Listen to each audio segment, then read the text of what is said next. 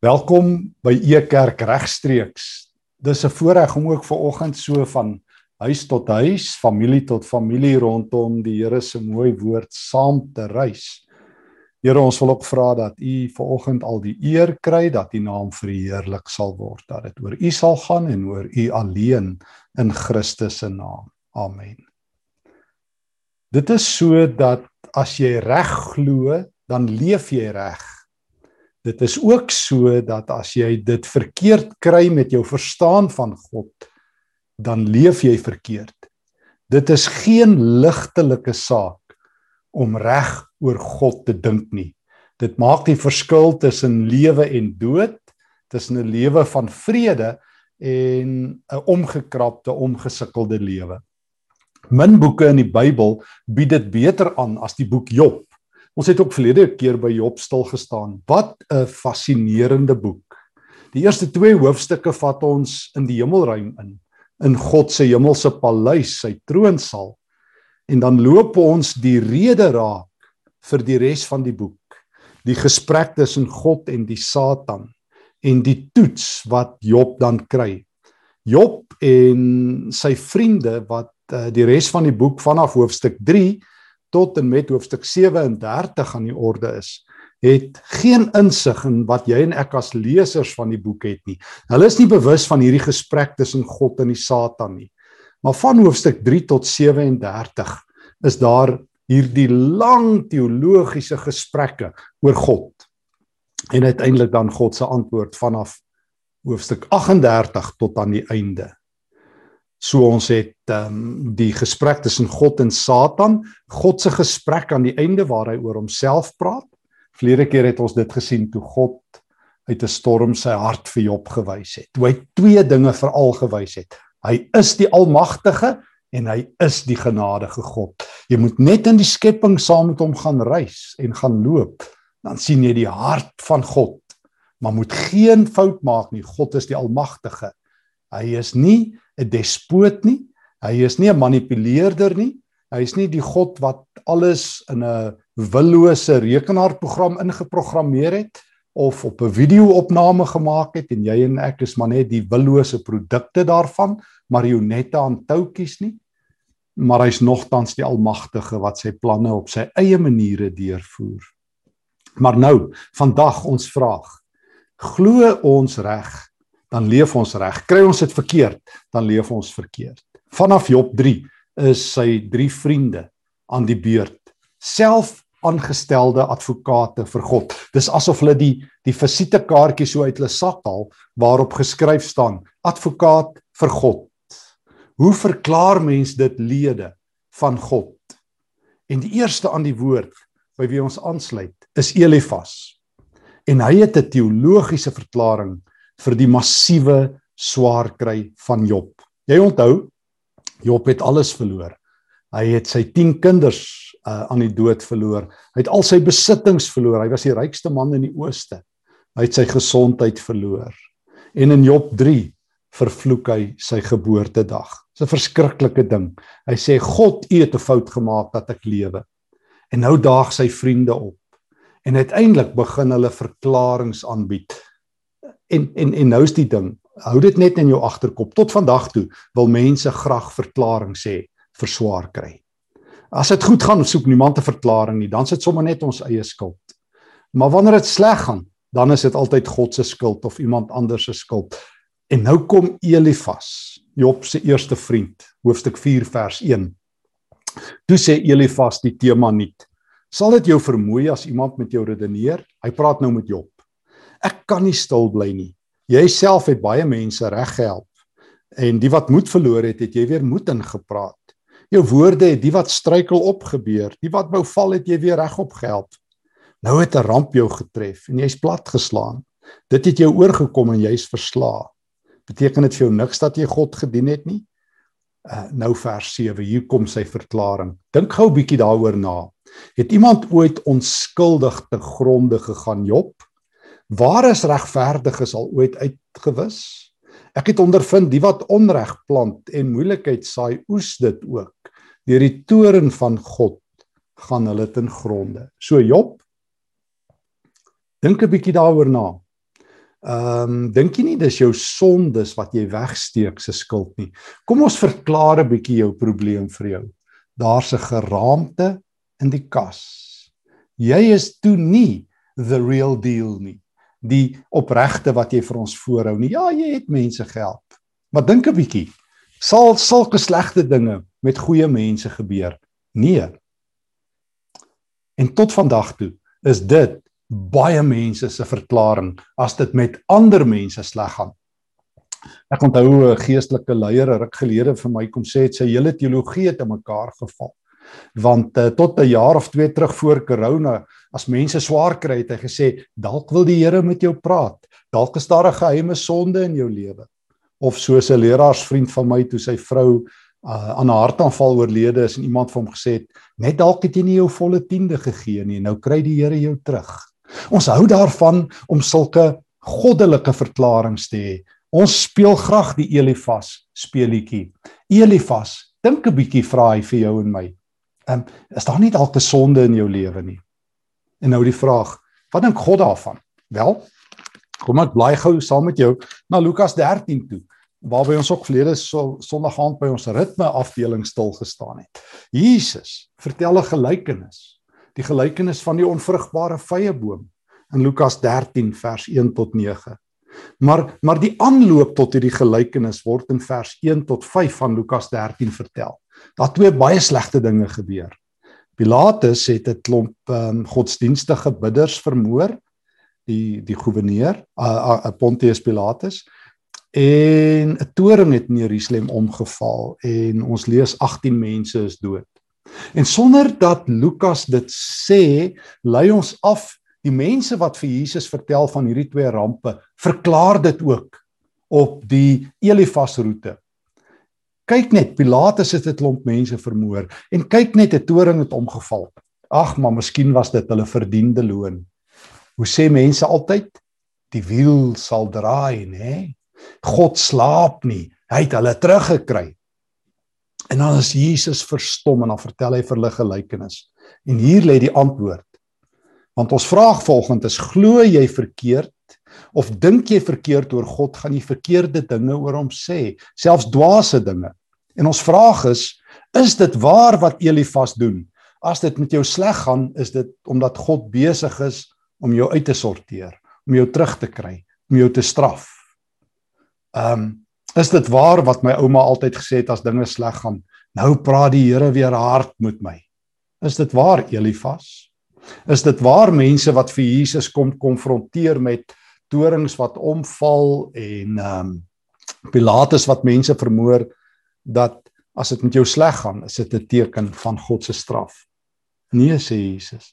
Nou vertel hy vir hulle 'n verhaal van God. Hy sê dis belangriker om God se hart reg te ken as om halwe waarhede oor hom te vertel. Dan vertel hy die gelykenis in hoofstuk 13 van Lukas vers 6 tot 9 van die vrye boom. En dan sê Jesus dat ehm um, die onvrugbare vrye boom is eintlik maar jy en ek. Maar God kap nie die boom uit nie want daar sit tuinier op die toneel. Wanneer hierdie boom nie in vrug is nie, kom vra die tuinier vir die eienaar. Spaar hom nog een seisoen ek sal die grond rondom hom omspit en bemes. En as dit nie help nie, kan jy hom uitkap. Wat Jesus dus sê vir vir vir mense wat soos Elifas dink, vir mense wat altyd ander mense se swaar kry wil verklaar in terme van straf. Hou op daarmee. Jy ken God verkeerd. God is die God van uitstel en afstel.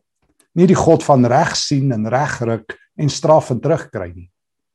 Ja, God het 'n oordeel, 'n eindoordeel en hy skuif dit tot op die laaste dag as hy kan. Uh 2 Petrus 3 vertel ook wanneer die mense vir God begin spot en sê waar is hy dan sê Petrus God is geduldig met julle. Hy wil hê julle moet tot bekering kom. Paulus sê dieselfde in Romeine 2. Hy sê julle moenie die fout maak om te dink um, God slaap nie. God is net geduldig. Hy gee julle tou. Hy's vir julle genadig sodat julle tot bekering sal kom. Elifas, jy's verkeerd. God is nie besig om Job uit te sorteer omdat hy geheime sondes het nie. God is die God wat vure doodblaas, wat talm, wat genadig is, wat tweede kansse gee en derde kansse en miljoense kansse. God is die God wat in Christus uiteindelik die kans word. Ek sal die grond rondom hom omspit en bemes.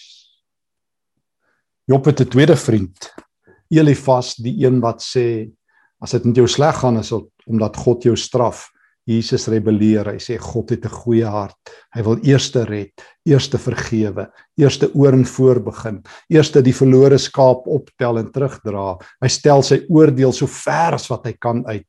Dit wag, maar as hy kan los hy dit vir heel laaste. Maar daar's 'n tweede vriend. Elifas was op die toneel.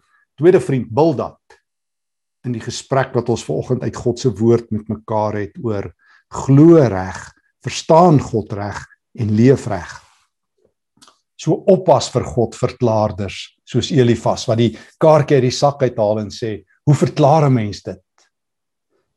Bildad kom Bildad die Suagit en ek lees in hoofstuk 8 sê hy vir Job hoe lank gaan jy nog so praat? Jou woorde kom soos 'n orkaan. Sal God die reg verdraai? Sal die almagtige verdraai wat ver, wat reg is? As jou kinders teen hom gesondig het het hy hulle vir hulle oortredings gestraf. Met ander woorde Job Ons sê ek het 'n beter verklaring as Bildad. Dis jou kinders se skuld, jy sien? Hulle het gesondig en nou kry God jou terug. Oeg, en dis 'n gewilde een tot in ons dag. Ek het ek kon 'n paar keer my ore nie glo nie toe ek hoor mense glo in sogenaamde bloedlyn vloeke. En dat God nou het iemand het vir my gesê daar's 'n bloedlyn vloek op hulle, het een of ander Bybel ver, uh, onverklaarder wil ek sê vir hulle kom sê en daar's demone in hulle wat so van geslag tot geslag hardloop. En ek vra vir hulle, hoe glo julle dit? Maar toe klik ek, maar dit is die Bildad roete. God straf partykeer jou kinders vir jou sondes. En vandag is daar mense wat sê nee, maar die 10 gebooie sê dit. Um ek besoek die misdade van die vaders aan hulle kinders tot in die 3de en die 4de geslag. Dan sê ek stop, stop, stop. Dis beeldspraak want daai teks gaan aan, maar ek bewys my liefde tot in die duisendste geslag van die wat my liefhet. God is nie besig om te sê, ehm um, ek gaan jou kinders straf nie. Hy gebruik beeldspraak vir die mense van daardie tyd. Jy kan sien God se oordeel is kort, so dis soos 2 of 3 geslagte. Maar sy liefde is ontelbaar. Maar God self het in die Ou Testament toe mense dit verkeerd verstaan het, reeds in Jesegiel 18 hierdie Bildad verklaring gebruik. So die Elifas verklaring vir vir God As dit met jou sleg gaan, is God besig om jou te straf. Die Bybel sê dink 'n tweede keer.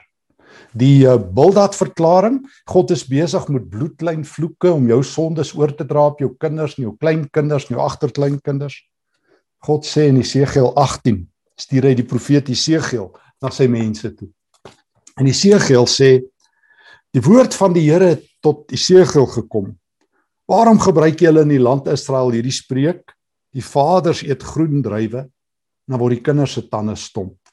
Dis 'n idioom wat sê die paas maak droog en dan lê die kinders daaronder. Hoor nou wat sê die Here. So seker as ek leef, sê die Here my God. Julle sal nie meer hierdie spreekwoord gebruik nie. Al die mense behoort aan my. Vaders en kinders is myne. Mense wat sondig sal straf, sal sal sterf.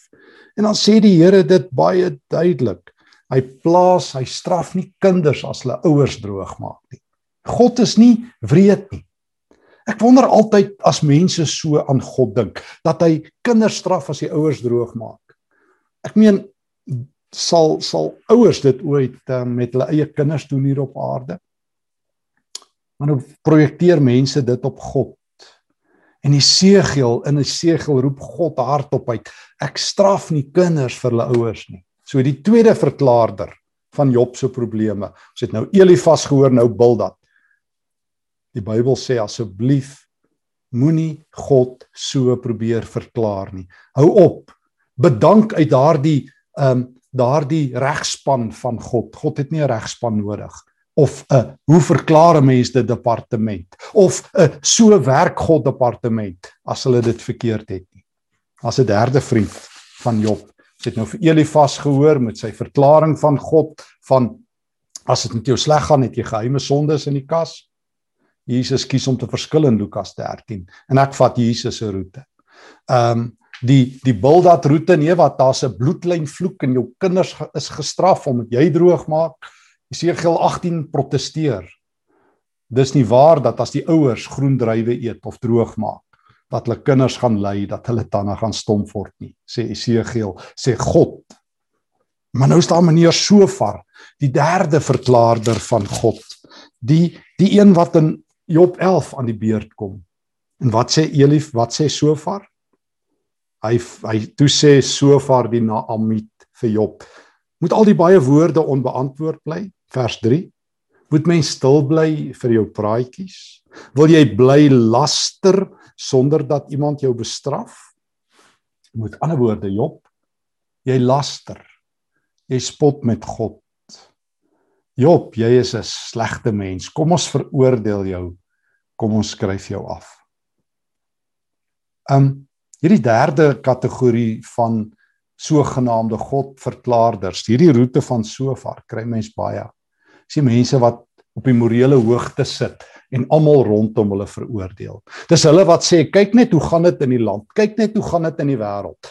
Maar hulle sluit hulle self nooit in by wanneer dit verkeerd gaan nie. O, Suid-Afrika moet tot bekering kom, almal moet soos ek word. O, die wêreld moet verander en soos ek word.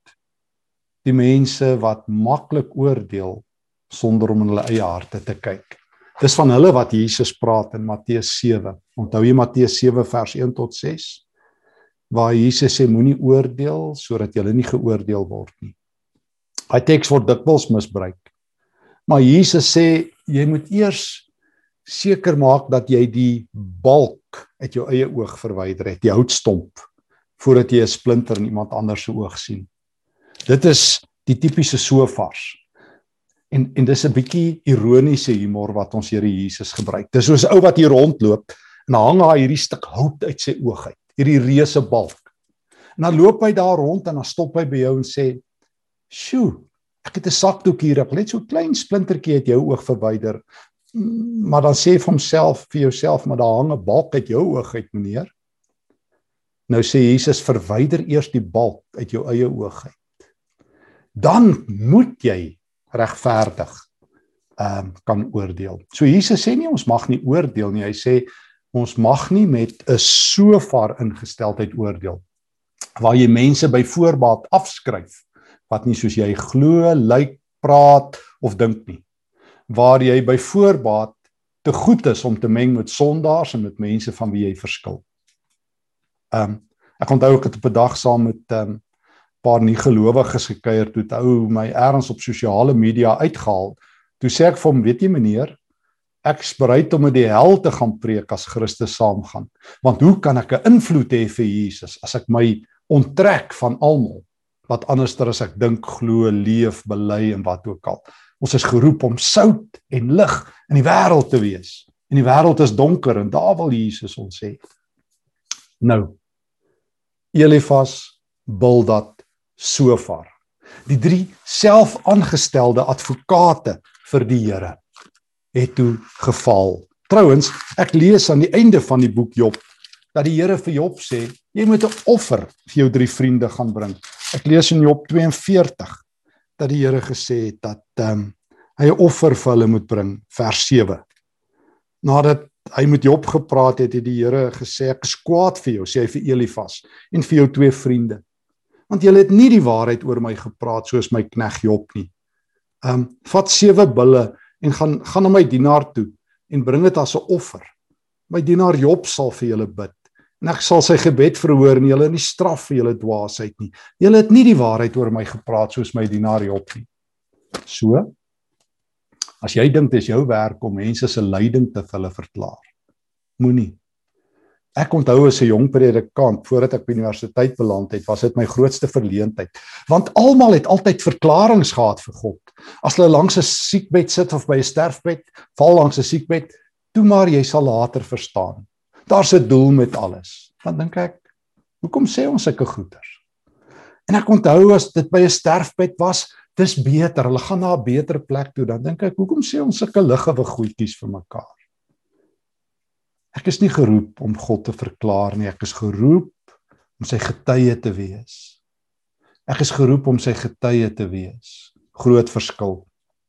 Ek is nie geroep om antwoorde op almal se vrae te gee nie. Ek is geroep om God se hart te verklaar.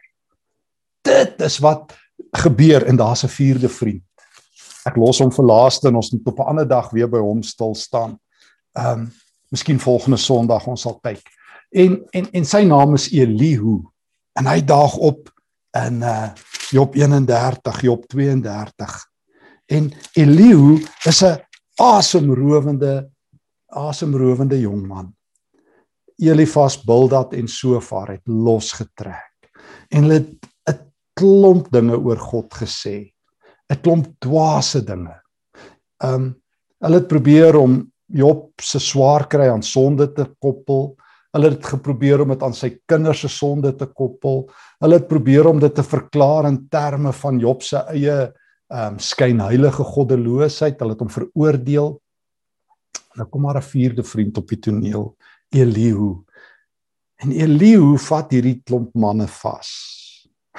Hy sê vir hulle in hoofstuk 32. Toe die drie vriende ophou om Job te antwoord omdat verskoning volgehou het dat hy onskuldig is, het Elihu seun van Barakel kwaad geword. Hy was vir Job kwaad en vir sy drie vriende. En toe sê hy vir hulle vers 6: Ek is jonk en julle is grysaards.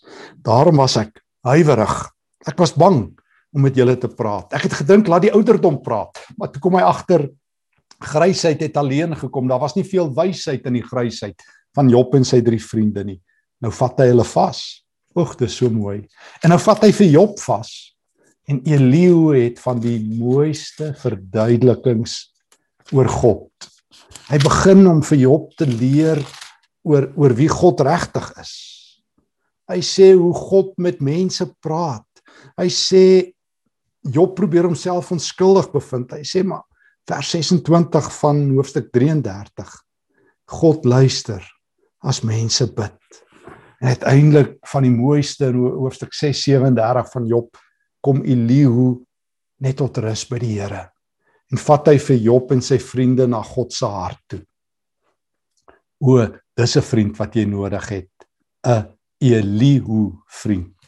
'n Vriend wat jou nie afskryf en veroordeel en vals goddelike verklaringe vir jou soek nie. Vriende wat self hierdie idee in hulle kop het hoe God werk en dan sê God, ek verskil. Ek werk nie so nie. Hulle verklaar my verkeerd. En julle almal wat dink julle moet my verklaar, stop dit net. Leer by Elihu die jong man wat wyser is as die ouer manne wat dink hulle het al die wysheid. O by Elihu leer ek kom net tot rus by God. Kom net tot rus by God. Ek leer by Elihu die roete van Habakuk. Habakuk het hierdie selfde stryd met God gehad. Ons het al daaroor met mekaar gepraat. Habakuk het dieselfde Job geveg gehad. En uiteindelik het die profeet tot rus gekom by God as hy Habakuk 2 vers 20 hoor die Here is in sy heilige tempel almal op die aarde moet stil wees in sy teenwoordigheid weet jy wat? Jy hoef God nie te verklaar nie. Mense kry dit verkeerd. Jy hoef nie vir mense verduidelikings te gee oor hoekom kry hulle swaar en hoekom ly hulle nie. Jy moet hulle van God leer. Jy moet vir hulle leer wat Habakuk ontdek het. Die Here is in sy heilige tempel. Kom tot rus. Ons het dit verlede keer ook vir mekaar gesê, kom tot bedaring. En uiteindelik as jy as jy leer om soos 'n klein kindjie rus te vind aan die Here se voete, soos Dawid in Psalm 131, as jy leer dat dit beter is soos wat Job in Job 42 sê om stil te bly. Tot nou toe het ek van U gehoor, Here, maar nou nou kom ek tot bedaring. As jy minder praat oor God, minder verklaringe het vir God minder probeer om oorsaaklike verbande tussen swaar kry en al die probleme van die wêreld te trek. Dis sonde se skuld of omdat jy te min tiendes gegee het of bloedlyn vloeke se skuld. Hou op met daai goed. Die Bybel keer dit nie goed nie. En as jy tot rus kom by die Here dan kom maar ware vrede. Dan kan jy saam met Habakuk uiteindelik soos wat hy sy boek afsluit, 'n belydenis maak. Job doen dit ook. Habakuk doen dit net poëties. Kom ek lees vir jou Habakuk 3 vers 17. Al sou die vrye boom nie bot nie en daar geen druiwe aan die wingerde wees nie. Al sou die olyfoes misluk en die lande geen oes lewer nie. Al sou daar geen kleinvee in die kampe meer wees nie en die beeskrale sonder beeste wees. Nogtans sal ek in die Here jubel, sal ek juig in God my redder. Die Here my God gee vir my krag. Hy maak my voete soos die van 'n ribbok op hoë plekke kan ek veilig loop vir die koorleier met snare spel. O Habakuk sing, Job sing, want hulle vind by God rus. Vanoggend wil jou my uitdaag om op te hou om vals en vinnige goedkoop antwoordjies te gee oor hoe God is. Ons skuld onsself 'n beter opinie. Ons skuld onsself die volle skrif se opinie. Ons moet onderrig word en met wysheid uit die skrif uit praat voordat ons Elifas, Bildad en Sofar se halfgebakte verklaringe uitskuld van uh alles antwoordjies voor te gee. O, dit is om in God vas te loop om tot rus te kom. O, dit is om by Elihu te leer dat ons klein moet wees en net vir mense aan God moet blootstel. Dit het my vrygemaak toe ek God ontdek het. En agtergekom het Stefan, jy hoef net 'n getuie van God te wees. Jy hoef nie sy verklaarder te wees nie. Jy hoef nie in sy naam mense regterik uit te sorteer of te probeer verander nie. Stel hulle net aan God bekend en hy sal alles doen. Hoor die Here se woord. God is die almagtige. God is die genadige. Ontmoet hom en kom tot rus. Dankie Here vir u woord, u kosbare woord wat ons vandag hoor. Dankie dat ons kan leer ook by Eliu en by Elifas en Bildad en Sofar oor hoe om dit te doen en dit nie te doen nie. Leer ons om reg te dink en reg te glo en reg te rus aan u voete in Jesus se naam. Amen. Job is taai, né? Fris boek, maar die Bybel wil hê ons moet ook groei, ons moet ook in Hebreërs 10 se taal en so aan dieper gaan in die Here se woord. Woensdag 5 Mei DV wonderlike Bybelskool Prof Jan van der Walt, wêreldkenner, gaan bietjie met ons praat oor oor Openbaring, die merk van die dier en al hierdie groot probleme. Um, dit bly nog steeds vir mense uitdagend in hierdie tyd om Openbaring reg te verstaan. Regstreeks hou asseblief 5 en 12 Mei oop. Prof Jan gaan daar wees. En eerskomende Vrydagoggend hervat ons Bybelskoolreeks ook regstreeks 9 uur oor die Psalms. Kom val in en kom leer die Psalms ken. Dankie vir almal wat by e kerk betrokke is op baie maniere, geldelik, emosioneel, maak nie saak hoe nie. Ons staan verstom. En ons dank die Here dat ons ook ruim betrokke kan wees by 'n klompie noodbedienings, soos wat jy nou sal sien. Vrede vir jou.